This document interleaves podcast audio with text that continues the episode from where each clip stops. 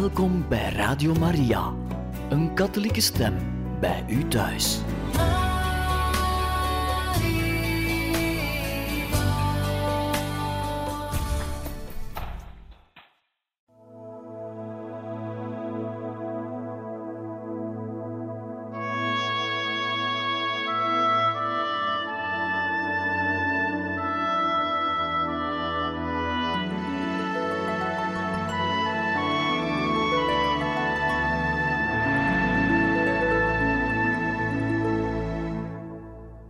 Van harte welkom, beste luisteraars van Radio Maria, bij het programma Heiligen Getuigen. We lezen u verder voor uit het boek Mijn Heerlijk Leven, het verrassend geestelijk avontuur van de jeugdige Gabriel Possenti, geschreven door Edmund Burke. Een vorige keer waren we geëindigd met een passage over, zeg maar, het belang dat uh, Pacifica had voor de heilige Gabriel, een van de vrouwen die eigenlijk door zijn vader aangeworven was om voor de kinderen te zorgen na de dood natuurlijk van zijn echtgenote.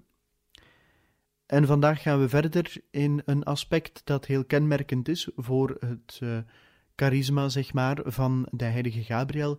Dat is de zorg voor de armen.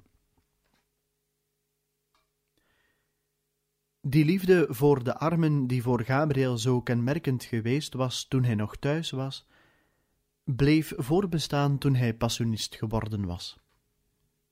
In Pieve Torina, waar hij slechts een beperkte gelegenheid had om de armen behulpzaam te zijn, maakte hij niettemin van iedere gelegenheid die zich voordeed gebruik. Telkens wanneer hij kans zag met broeder Portier te spreken, die de aalmoezen moest uitdelen, probeerde Gabriel hem er steeds aan te herinneren vriendelijk te zijn tegenover de armen. Als u iets geeft, zei hij, vooral aan de armen, geef het dan echt van harte. Een beetje dat graag gegeven wordt, is God veel liever dan een grotere gave die zonder goede wil wordt geschonken. Eens toen de studenten het klooster verlieten voor hun middagwandeling, was er toevallig een arme man aan de poort om iets te vragen. Gabriel ging erop af en zei glimlachend tegen de broeder: Nu wil ik wel eens zien hoe edelmoedig u bent. Maar voor Gabriels meevoelend hart was het rantsoen dat de broeder uitdeelde werkelijk erg karig, waarop hij nog steeds glimlachend zei: Arme man, dat kleine beetje zal niet eens in zijn maag terechtkomen. Wat hij anderen voorhield, bracht hij zelf in praktijk. Een gebruik van het klooster volgend, legde hij een deel van zijn bescheiden maaltijd terzijde om later aan de armen te laten uitdelen. Hij zorgde ervoor dat hij het beste deel daarvoor bestemde, en zei opgewekt: het beste hapje moet voor de armen bewaard worden. Het ergerde hem altijd heel erg als hij zag dat goed voedsel verkwist werd, en hij drong er bij zijn metgezellen op aan daarvoor te waken. Wat er overblijft, wordt verondersteld naar de armen te gaan, herinnerde hij hen.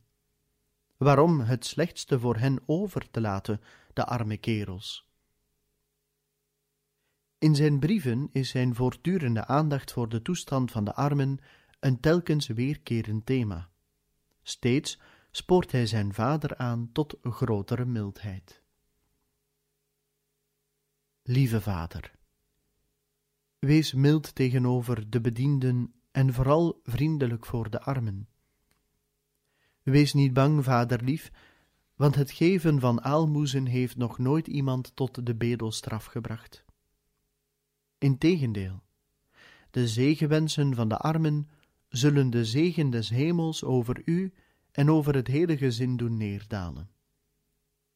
Jezus Christus zelf heeft gezegd: Zo dikwijls ge het voor de armen deed, deed ge het voor mij.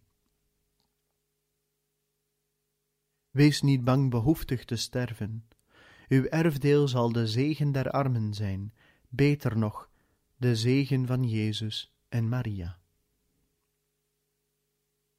Een van uw grootste vertroostingen in het uur van uw dood zal zijn dat u nooit een arm mens hebt weggezonden zonder hem te helpen. Deze gedachte zal u beschermen tegen het rechtvaardig oordeel van de Almachtige God. Het zal u de grootste verdienste in de hemel verwerven. U zult er zeker van kunnen zijn dat degenen die barmhartigheid aan de dag leggen tegenover de armen, barmhartigheid zullen vinden bij God.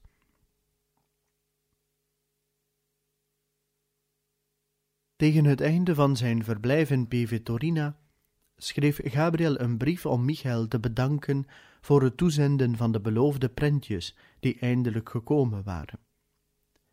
Hij was bijzonder blij met die waar onze moeder van smarten op stond, de onbevlekte ontvangenis en het heilig hart, en hij bracht zijn innige dankbaarheid tot uitdrukking door te zeggen: Mogen Jezus en Maria je belonen door hun gelijkenis in je hart te prenten. Pater Norbertus voegde er voor de eerste maal bij wijze van naschrift een paar regels aan toe, waarin hij een korte samenvatting gaf van Gabriels geestelijke vooruitgang. Met confrater Gabriel gaat het goed, en hij maakt uitstekende vorderingen. De fout die hij in het begin van de, aan de dag legde, door sommige onvoorzichtige blijken van ijver te willen geven, is verdwenen. Verstandige bezonnenheid is daarvoor in de plaats gekomen, door Gods wil en door de regel die deze fout streng afkeurt. Zoals ik u reeds zei, toen ik het laatst met u sprak, was ik in het begin gedwongen hem in het oog te houden, om te voorkomen dat hij in dit opzicht zou overdrijven. Maar thans weet hij uit zichzelf, zoals ik zei, dat er van het goede ook te veel kan zijn, en hij is zich bewust van de listen en lagen waar de duivel hem op die manier voor zou kunnen stellen. Aanvaard mijn genegen groeten en bid voor mij. Norbertus van Maria, Pieve Torina, 27 april 1859. Pater Norbertus zinspeelde hier op Gabriels vroeger streven naar boetedoeningen, wat in het begin moeilijk te onderdrukken was. Als men bijvoorbeeld tegen hem zei dat hij niet zo erg sterk was, stond Gabriel meteen met zijn antwoord klaar. Wel, als we daar rekening mee gaan houden, antwoordde hij, doen we nooit iets. Voor een zondaar als ik is al wat ik doen kan weinig genoeg. Er zijn veel heiligen geweest die zwak waren en een slechte gezondheid hadden, maar zij deden veel meer dan waar ik om vraag.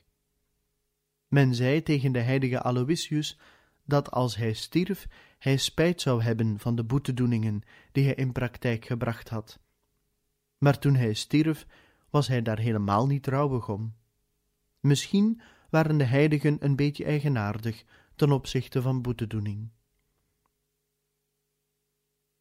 maar dergelijke argumenten hadden op pater Norbertus niet de geringste uitwerking.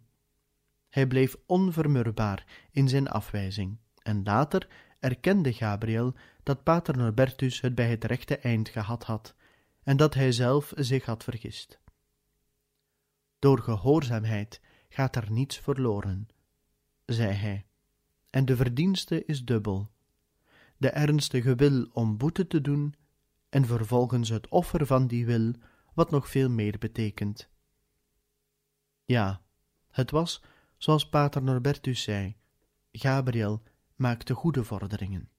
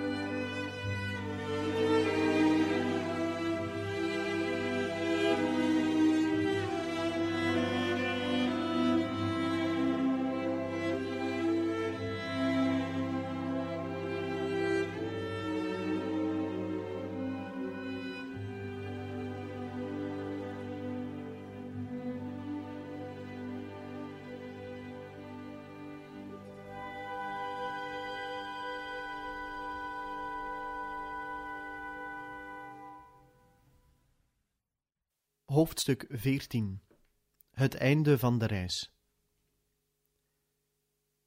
Sint-Jan was gekomen en gegaan toen Gabriel en zijn metgezellen vernamen dat ze weer zouden verhuizen.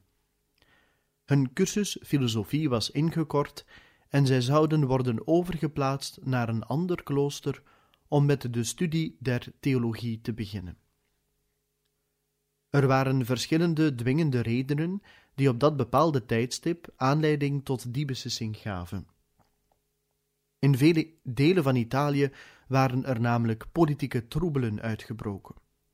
De onafhankelijkheidsoorlog van 1859 was gevolgd door een golf van geweld en revolutie.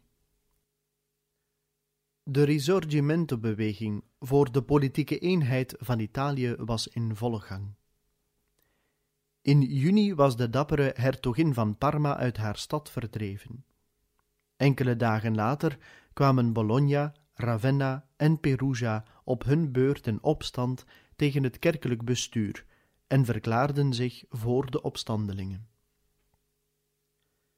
Niemand wist waar het gewelddadig optreden zich de volgende maal zou manifesteren, noch welke vorm het zou aannemen. Ten einde de studenten buiten de roerige zone van de kerkelijke staat te brengen, werden zij overgeplaatst naar het afgelegen klooster van Isola, in het tot dan toe rustig gebleven koninkrijk Napels. Toen zij eenmaal hun instructies gekregen hadden, was er niet veel tijd voor nodig om hun bescheiden bagage in te pakken en met enkele woorden afscheid te nemen. Ditmaal zou het een veel grotere reis zijn dan hun vorige tocht van Morovale naar Pievetorina een jaar geleden. Hoewel zij de reis met redelijke etappes zouden afleggen, verwachten zij toch wel erg vermoeid en verrijst te zullen zijn voordat zij zes dagen nadien hun nieuwe thuis in de bergen zouden zien opdoemen. Smaandags 4 juli 1859 begaf het kleine groepje zich daarom, onder leiding van pater Norbertus, op weg naar Recanati, waar zij van plan waren de reis voor enkele dagen te onderbreken. De groep die van Pievetorina vertrok, bestond uit zeven personen. De leider, pater Norbertus, en zes studenten, de confraters Vincenzo, Franciscus Xaverius, Hermenegild, Gabriel, Michael en Carlo. Een der knechts van het klooster vergezelde hen als voerman van het zware ouderwetse voertuig dat hun vervoermiddel zou zijn. De bagage leverde geen bijzondere problemen op, want ze hadden geen koffers of valiezen. Elk van hen had een bundeltje bij zich. Daarin zaten een brevier, een paar devotieboekjes, een kruisbeeld, een stel ondergoed voor onderweg, alles in het reservehabijt gewikkeld en met touwen vastgebonden. Toen zij vertrokken, bad pater Norbertus de gebruikelijke gebeden tot hun engelbewaarders voor een voorspoedige reis, gevolgd door drie weesgegroeten. Na een korte poos van stille overweging gaf pater Norbertus hun glimlachend toestemming om te spreken, een verlof waar ze gretig gebruik van maakten. Ze waren allemaal jong en geestdriftig, en dus een en al nieuwsgierigheid naar de reis en naar hun uiteindelijke bestemming. Enkele van hun vragen kon pater Norbertus beantwoorden. Onderweg zouden ze halt houden bij verschillende passionistenkloosters. Ook konden zij rekenen op de edelmoedigheid van vrienden en weldoeners, bij wie ze onderweg konden eten. Alles was van tevoren uitstekend overlegd en berekend. Misschien zouden ze vermoeid raken, maar honger krijgen zouden ze niet. Hadden zij in Recanati gelegenheid om een bezoek te brengen aan het huisje van Nazareth in Loreto, dat niet zo ver af was? Het schijnt zeer onwaarschijnlijk dat zij dit gedaan hebben, want het zou een aanzienlijke omweg betekend hebben op een reis die toch al behoorlijk lang was.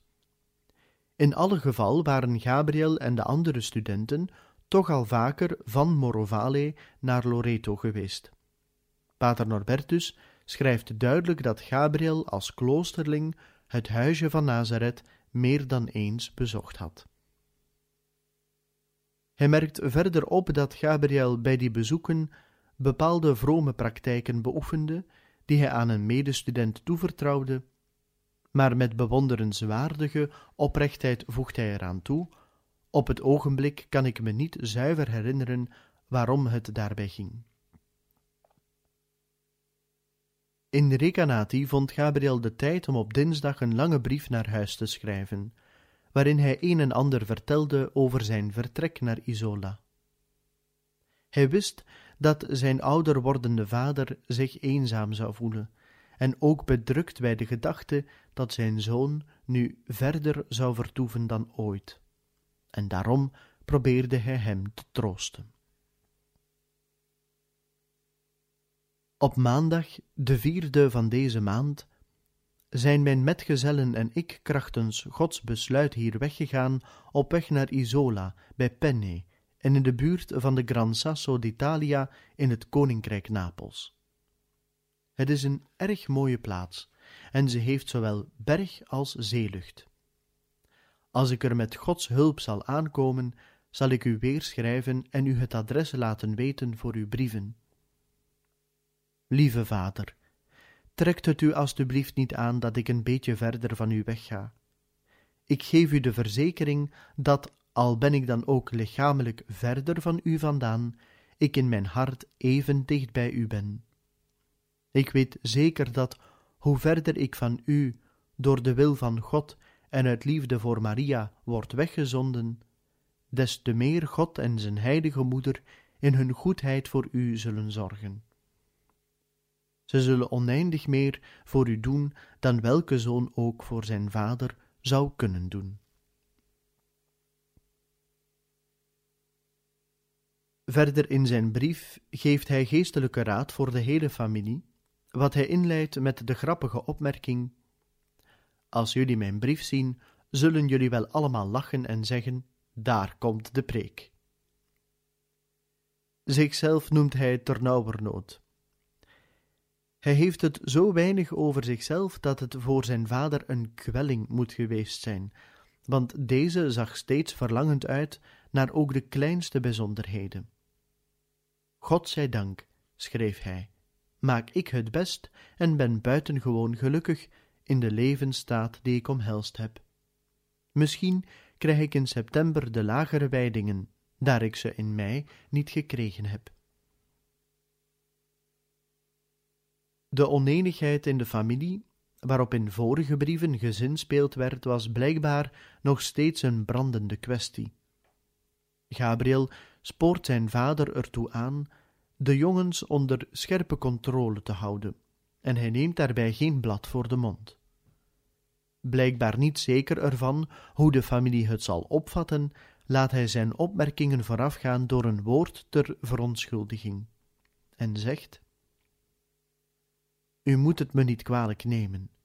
Het past mij feitelijk niet op die manier te schrijven, maar de genegenheid die ik voor de hele familie koester dwingt mij zeer duidelijk te spreken. En dan vervolgt hij als volgt: Lieve vader, u hebt nog drie jongens thuis. Houd hen alstublieft scherp onder controle.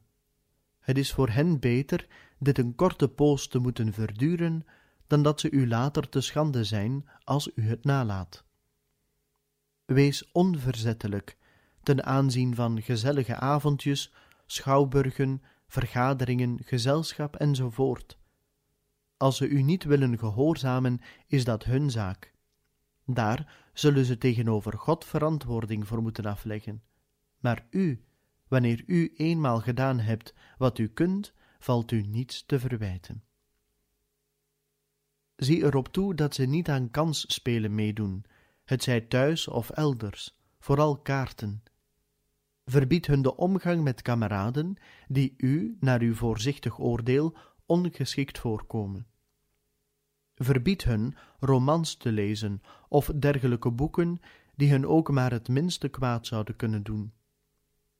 laat hen u steeds vergezellen wanneer u dat kunt regelen, en sta niet toe dat ze onder allerlei voorwendsels door de stad flaneren. Laat u hiervan niet weerhouden door de gedachte dat zij daarom zullen mokken. Het is beter hen nu een beetje te laten mopperen en voor eeuwig in eenheid, vreugde en geluk te leven, dan hen hun zin te geven en op zekere dag te moeten meemaken dat u met verwijten en verwensingen overstelpt wordt.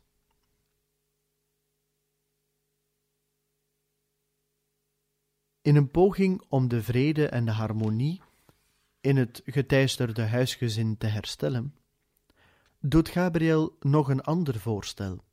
Een voorstel dat hij bijna letterlijk zou herhalen in zijn eerstvolgende brief uit Isola, twee weken later.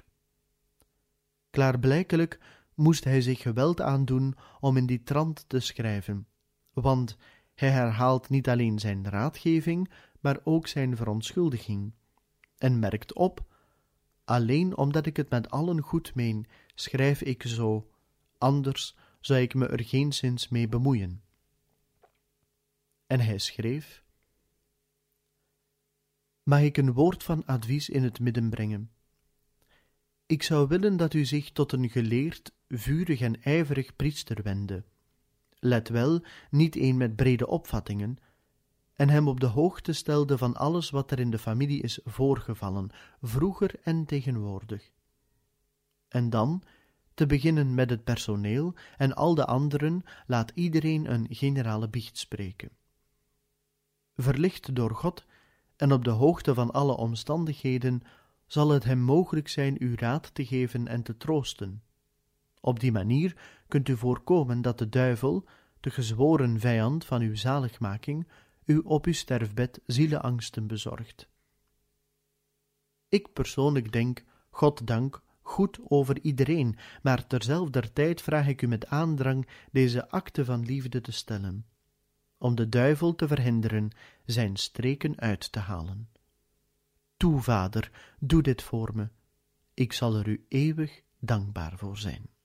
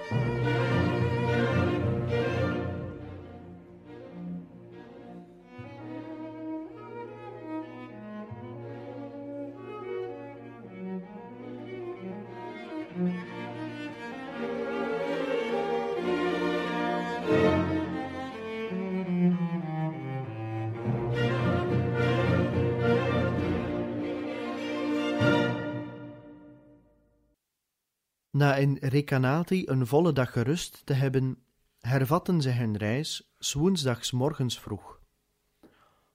Onder de hete zon, die fel uit een wolkenloze blauwe Italiaanse lucht neerstraalde, trokken zij de hele dag langs de kronkelende stoffige weg. Tegen het vallen van de avond bereikten zij het pas in gebruik genomen passionistenklooster van Torre San Patrizio, of de toren van Sint Patrick. De volgende dag liep hun weg langs de kust naar hun volgende halte, het klooster der Annunciatie in Giulianova. Het klooster was mooi aan zee gelegen, maar omgeven door vochtig moerassenland, dat onveilig gemaakt werd door grote hoeveelheden kikkers. Dikwijls drongen deze onwelkome gasten de benedenverdieping van het gebouw binnen, terwijl zij de nacht tot een verschrikking maakten, zodra ze na donker met hun naargeestig gekwaak begonnen. In Giulianova had Gabriel het genoegen zijn metgezel uit het noviciaat, broeder Sylvester, weer te zien, die nu kok in het klooster was. Broeder Sylvester herinnerde zich dankbaar de geestelijke verlichting die Gabriel voor hem had weten te verkrijgen, en wilde graag laten zien dat hij niet vergeten was hoeveel hij onze lieve vrouw verschuldigd was. Van de eerste de beste gelegenheid gebruik makend, vroeg hij Gabriel met hem mee te gaan, omdat hij hem iets bijzonders wilde laten zien.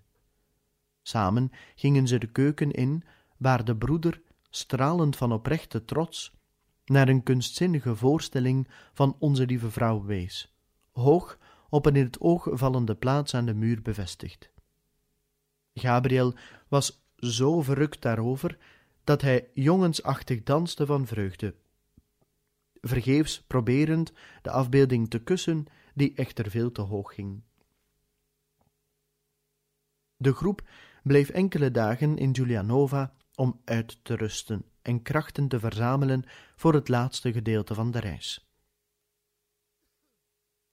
Op zondagmorgen keerden zij de zee de rug toe en sloegen zij de lange steile weg in die landinwaarts naar de bergen voerde.